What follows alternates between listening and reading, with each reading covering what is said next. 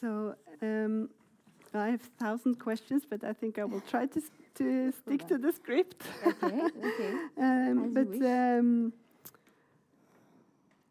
I just wonder how do you how do you work? How do you make these uh, beautiful mu movements to your text? Um, um, where does it start? So um, I begin with language. I'm a poet first, and and um, I started to write fiction and essays. But as you know, I the, the title of the talk is called The Accidental Dancer. And that's not because I have accidents, although, as you know, dancers are sometimes the most ungraceful people. Yesterday, I nearly tripped twice on the steps, and I'm always tripping over my feet. Um, but and I have had some accidents as a dancer. But in terms of that, I came to dance by accident. I started quite late at 26. I was not, I didn't have any ambition to be a dancer. I wanted to be a poet. I had ambition for writing. And um, I met um, someone who would become my friend, my guru, a woman called Chandralekha. I was 26, she was 73. I had just moved back to India after eight years of going around the world, traveling. And it's one of those things where you know, you go around searching for something, and then you come home, and 10 minutes from the place that you grew up, you find the answer. And for me, the answer was uh, meeting this extraordinary woman who wrote poetry, who was a feminist, an activist, a painter, and a dancer. And she um, happened to be looking for a dancer, and I happened to be taking these martial art lessons. And then she just said, Would you like to come and work with me? And so that's how my career in dance went. And really, it was not something that I was looking for. But when it came into my life, and you know, I worked on one piece, her last piece, for 15 years. It's a long time to to keep one piece of uh, dance in in in uh, in action, but it it meant then that after she died, and then we continued for another 10 years, after everything sort of finished with that, I thought, I can't just be a writer now. it would not be, I, I, I, need to use my body. I want to, to explore uh, with whatever resources I have. And for me, it's become that words and movement and language and song and all of these things come together. So for me, I, I, this is all experimentation, you know, for my own pleasure. So thank you for uh, for being an audience and and watching it, because I feel like I also am in, interested in creating work that is uh, multidimensional. So the book stands by itself. The novel, you, you heard some parts of it, that is the language, that is the atmosphere. But I also wanted to see can I do some of these movements, the idea of caregiving, for instance, the everydayness of, of even our own taking care of, which gets to be quite tedious after a while. But if you have to look after somebody, then what does the everyday mean? And the sense of captivity, the impingement on your freedom, but also still how in life we are always looking for those windows of beauty and grace and joy because we are human after all. And so that sense of that sense of the the the fight, I suppose, between these these this sort of living and trying to find something bigger than oneself, mm. you know? Yes, it's very interesting. And what I think is so striking is that uh, when I've been writing about dance myself, my question has always been how to write about dance. But I can, with you, it's like you you write and you dance mm -hmm. in so similar way.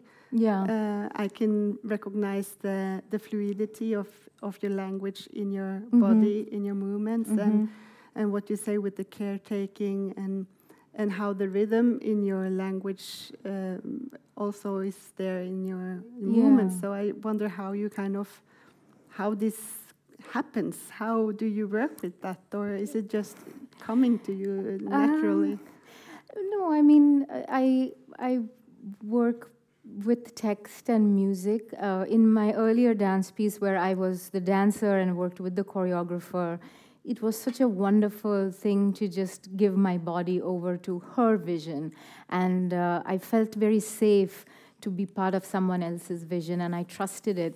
And then when I was doing something by myself, I thought, oh, how do I, where do I begin? You know, sometimes even with poetry, if I haven't written a poem in a long time, I think, where does the poem come from? How do you begin anything? You know, yes. it's impossible. and so you just have to start and find it somehow. And I think um, with, with, with the question of creating movement, it's really also because I don't come from a classical, I'm not a trained dancer. So my background is yoga, Kalaripayattu, which is a martial art from Kerala, and um, and a little little bit of Bharatanatyam, which is a classical dance form, which uses, but essentially uh, it's it's using the yoga and martial stances, and and whatever I can with my fingers and, and trying to create, I suppose, something that is a conversation with my text, you mm. know? So I don't know if that answers your question, but it's a little bit. Uh, it, I think it answers some some of my question. I think also mm, what you now said a bit uh, reminds me of of the images of your book and how mm -hmm. we spoke earlier about uh, you're not so um, interested in plot, but more no. like um, image maker or yeah um, you know storytelling is is wonderful and we as human beings need stories uh, and rely upon stories but i also feel a sense of a slight oppression for the storytelling tag um, there's an Indian writer called Amit Chaudhuri who, who wrote something about against storytelling. And I think it's because sometimes when you come from, you know, certain places, you are considered like, you know, your stories are told to you when you're in the womb and your grandmother tells you stories on her lap. And, and storytelling is given this great um, position in literature. And actually, I think literature has a great place for abstraction as well as storytelling. And poetry, for instance, begins with abstraction. And so when I read novels, I never know, I could never tell you what happened in the novel that I've just read, but I could tell you how it made me feel, or the atmosphere, or a character, or the voice. So it's about submersing into a kind of universe that the writer has created. What happens is a bit you know, not so interesting to me. And I understand that plot is an important device, it moves things forward, you have to keep the reader interested. But really, for me, plot is secondary, and I'm really interested in creating this atmosphere. So, for me, when I wrote this book, it's about a woman who inherits this house and she goes there with her sister, Lucia. And, you know, what are the effects of solitude on somebody, uh, especially in a country like India where everything is in the urban centers, you know, the stories. Uh, everything is like what's happening in Bombay or Delhi or and and and then what is the rest of the country you know which is actually there's a lot of millions and millions of people living in these small towns and villages. And so when I moved out to live away from the city about 8 or 9 years ago I found it so interesting what it made me feel about my relationship with nature, first of all, because I live um, by the Bay of Bengal. I see the sea right there, and the sea has entered into all of my work. It's you know it's an impressive, majestic ocean, but we've also had tsunami, we have had floods, we've had cyclones. We know that coastlines are incredibly fragile ecosystems and in the future you know that sense of, of, of, vanishing. And what does it mean to choose to live in a place like this? What does it mean to choose anarchically to leave the city and go when the whole direction of human movement is from the village to the city? So you are just doing this reverse thing. And then the extra layer of gender which is what does it mean to be a woman who is living in the most dangerous country in the world for women. and to be there alone and to to care you know take care of this sister. And and what does that do to your relationship with fear? And i found it so interesting. Um, i'm somebody who feels quite confident and i feel i think of myself as fearless. But sometimes i would be walking down with the beach with the dogs and i'm all alone and i would just perceive threats you know and i think that the the thing is when you live with stories when you have the statistics uh, that we do in India, then as a woman, you you begin to be very wary, and especially when you don't have people around you. Mm. So suddenly you think, "Oh my God, I'm all alone.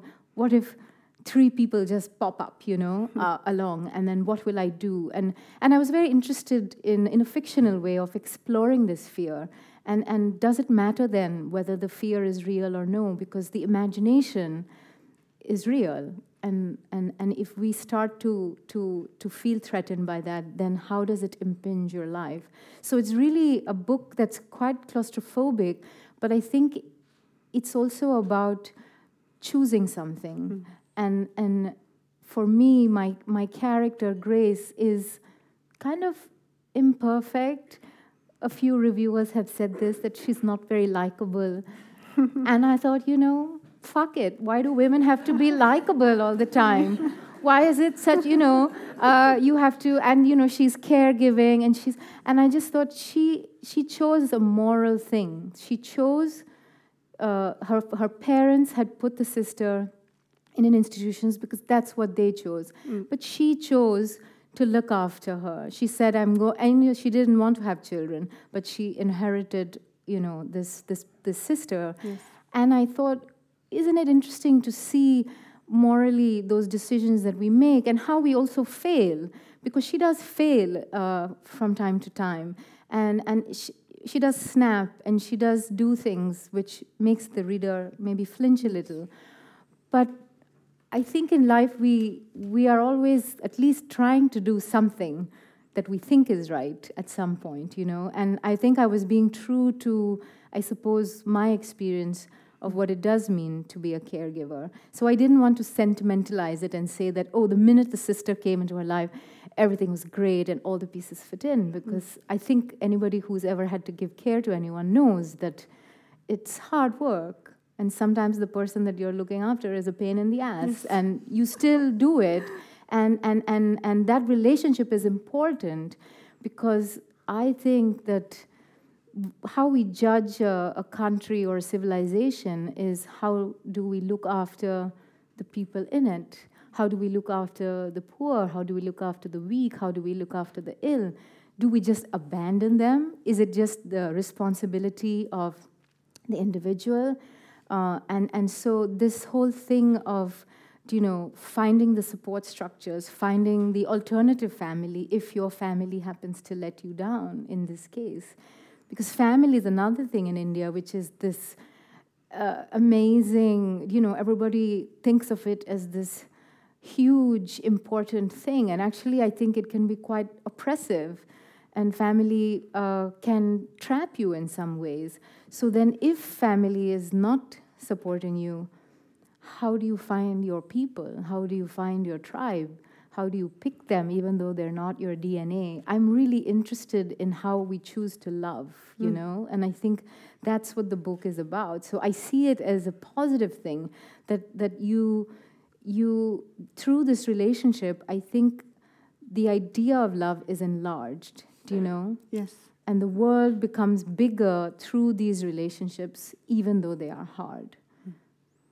So, yeah. I think you describe uh, Grace as a very um, uh, honest and, and uh, three-dimensional person, and I think it's also very easy to recognize to yeah to recognize this uh, sense of doing the right and to yeah to follow her heart without yeah. knowing where it leads her and, yes. and she remembers back to her mother that leaves every thursday yeah and she doesn't know where to playing bridge or mm -hmm. being with her friends mm -hmm. and and her mother comes back uh, sh always showering mm -hmm. uh, for a long time and and she has a good time with her father and when she, after mother dies, she goes to visit her father in Yeah. uh, Venice, Yeah. and and her father doesn't want to speak of Lucia at all, No. which is uh, it it's, uh, explains quite a lot of this relationship and also uh, situation in India. Uh, I think and. It's interesting to see how she kind of make a stand. Grace makes a stand in this. Yeah. So it's really interesting because the story came. I was reading about the playwright Arthur Miller, who had a son with Down syndrome, Daniel, and in the 1960s uh, with the photographer Inga Morath, and they institutionalized Daniel. And um, Arthur Miller never acknowledged um, his son uh, until I think after he died in his will, there was provision. And this was in the 60s, and I think it was fairly a, a, pretty normal thing to advise, you know, um, to, to institutionalize children with Downs. And, and, and um, so my brother uh, was born with Down syndrome and, and um, in India in, in the late 70s. And my experience of it has been very different in that my parents have always kept him at the center of our family. It's always been sort of, uh, it has made all of us the way we are. Uh, because of that. But it was very difficult because there was no provision. So, you know, for a while he would go to the school for the deaf and dumb children uh, because there was no other place to put him. And so I was thinking about what it must have been for my parents um, to, to have very little information, to kind of, you know, and, and also the visibility if people would not uh, you would not always see children with Downs or any any disability or differently abled or anything. So so then when they would see, there would be this staring, and I just remember that that awful um, stripping away, you know, that sense of. So it's really about education and really about visibility and about support and all of those things. But the story came from from from from Arthur Miller, and I was just thinking about how interesting it would be fictionally to just discover that you had this sibling that you never knew, especially if you were an only child. And, you know, that whole idea of who do you share your family with, a witness, somebody who knows your story. And I think, you know, I, I thought, oh, this, this woman who's yearning for that would, would find a sister. And even though they can't really communicate so well, um, there is that at least. Um, even though there's the failure of the parents in some way. Hmm. Although I don't judge that, you know. Is- yeah. It's not a judgmental book because I think that's the point of the father um, that he he he decides that, and and Grace is okay with that. But the point is, she decides differently, Hmm. you know. So yeah,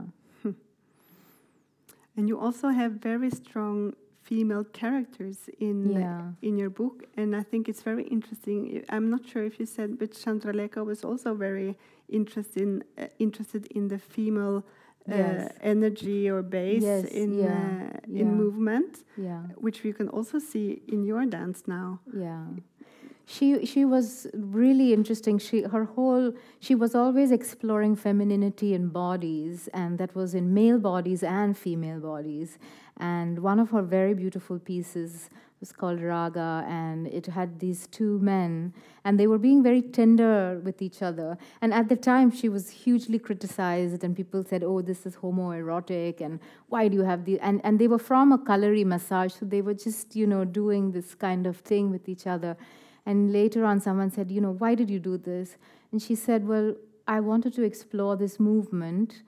And the day of rehearsal, I told people to come. And that day, it happened to be two boys who came.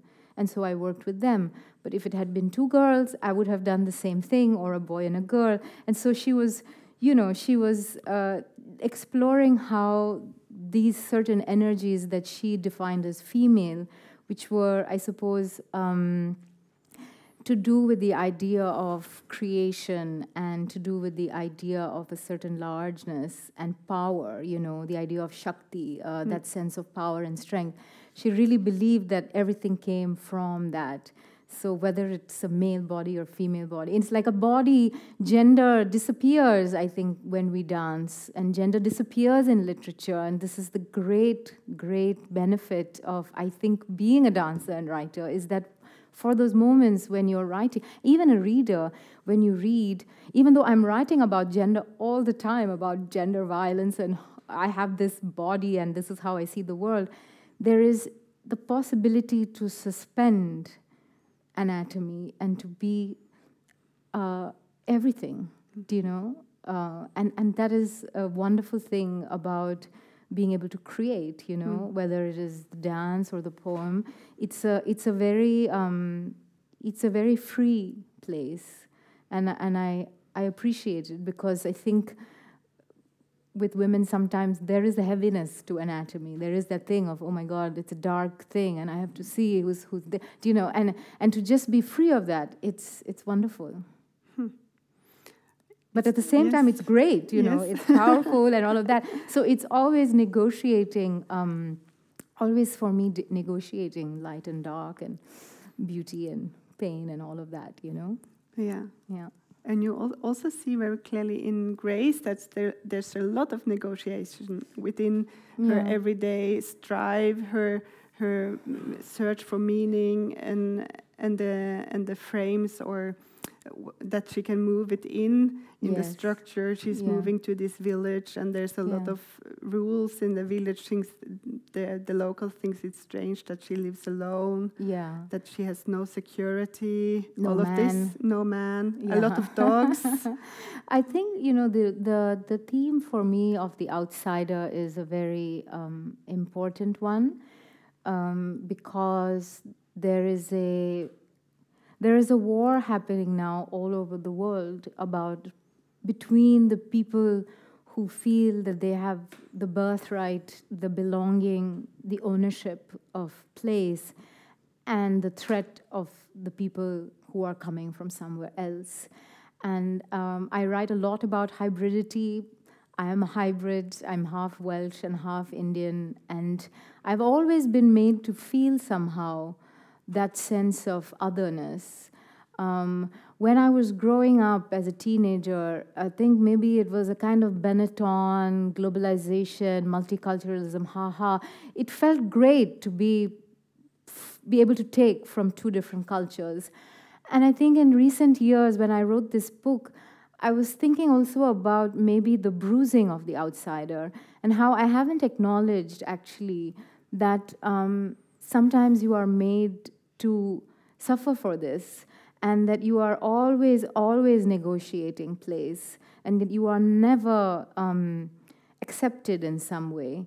So I, I think i wanted to, to examine that in my book that sense of um, do you know she doesn't fit in the village. She goes to the city. She doesn't fit in there because she finds the city friends a bit talking about meaningless things vapid, but she wants to get away, she wants to have a drink, she wants to smoke a joint, she wants to live, you know? Then she goes back to the beach, and it's like she's, she's never where she needs to be. And, and, and I'm really interested in that because I think we have such a, a dangerous thing going on now, uh, particularly in India. And, you know, uh, people are on the move and it, it doesn't have to be as ex- exotic a combination of Welsh and Indian. It could be the same sense of feeling outside. If you are a person from the northeast of India coming down south or going to Delhi, or if you're a person from the south who goes to the north, you will be in a different country almost. You will not be able to speak the same language. People will look at you and judge you for the way that you look. It's not that, oh, you're Indian, so wherever you go, there's this, this great acceptance. And so I'm very interested in that, that friction between those who feel they belong and those who are trying to belong. And, and the walls that are erected between that, you know, and how do we how do we, you know, this question of migration, of movement, it is human nature to move. We are restless people. We have always been moving. But now we are in that language of ownership and walls and us and them and other. And I think, um, yeah, partly the book is also trying to address that and, and, and, and address the question of belonging, mm-hmm. you know? Yes, because we follow Grace. Uh, she moved from London to India, mm-hmm. and she and we also uh, hear about her her memories back from childhood, and she moves to Venice, and then you have this movement back and forth, and and the sense of time is also changing because mm-hmm. you have this uh, past, uh, present, and future at the same time, which is very interesting, and and it also really underlines this feeling of movement and still uh, not movement. Yeah, um, I I think that our relationship to time is so interesting. Uh, you know, it's never linear. Uh, it's it's always uh, circular. I do I, I don't see time as something that you know calendrical time that goes from here to there because we carry our past with us. We are always looking to the future, and and and there's a sense of um, uh, I was just reading this beautiful essay by Joan Didion, and she was talking about how we have to always, you know, eventually that 17 year old or that 24 year old, that annoying 24 year old will pop up, and then you have to acknowledge. And I think we we have to acknowledge our past selves all the time, and we, you know, we are who we are now because of them. But there's this sense of oh, we don't go back there. But that's not true, you know. I think that the past has a way of re entering our life, and our previous selves have a way of re entering our lives, and we have to reckon um, with that in a way. And so for me, memory is such a such a fascinating tool because I feel like for a fiction writer, memory and the imagination are the two tools that we have. Um, but also as people, we're, we're talking about the idea of truth or what happened, and we know that memory is completely unreliable. you know, it's our story. It's what we want to tell ourselves. Um, and and and in a, in a novel, I suppose you get to add an extra layer to it because you create it. You know, hmm. so yeah. We're almost there. Um, I wonder, should would you like to end with the poem? Yeah, sure. Um, okay. Um, well, um, I'll do a poem that is um, that is uh, for for poets. I, I, I see myself as a poet, um, and and it's something that I suppose I've had some existential crisis about because, you know, what is the point of poetry? What does poetry do? All of this stuff. And um, I think every once in a while I have to remind myself of what poetry does. So this poem was written for that, and it's called Find the Poets. I arrived in a foreign land yesterday, a land that has seen troubles. Who hasn't, you might say? But this land with its scrubbed white houses and blue seas, where everything was born and now it seems everything could vanish. I wanted to find out the truth about how a great land like this could allow ancient columns to crumble and organ grinders to disappear. Find the poets, my friend said. If you want to know the truth, find the poets. But, friend, where do I find the poets? In the soccer fields, at the seashore, in the bars, drinking? Where do the poets live these days, and what do they sing about? I looked for them in the streets of Athens, at the train station, and by the flea market. I thought one of them might have sold me a pair of sandals. But he did not speak to me of poetry, only of his troubles, of how his house was taken from him, of all the dangers his children must now be brave enough to face. Find the poets, my friend said. They will not speak of the things you and I speak about. They will not speak of economic integration or fiscal consolidation. They could not tell you anything about the burden of adjustment, but they could sit you down and tell you how poems are born in silence and sometimes in moments of great noise, of how they arrive like the rain unexpectedly cracking open the sky. They will talk of love, of course, as if it were the only thing that mattered, of chestnut trees and mountain tops, and how much they miss their dead fathers. They will talk like they have been talking for centuries about holding the throat of life till all the sunsets and lies are choked out, till only the bones of truth remain. The poets, my friend, are where they have always been, living in paper houses along rivers and forests that are disappearing. And while you and I go on with life, remembering and forgetting, the poets remain singing, singing. Thank you. I think we're done. It's beautiful. Thank you. I think we can yes. with that. Yeah. Okay. Thank you. Thank you so much. Yeah. Thank you so much for coming. Thank you for coming. Uh,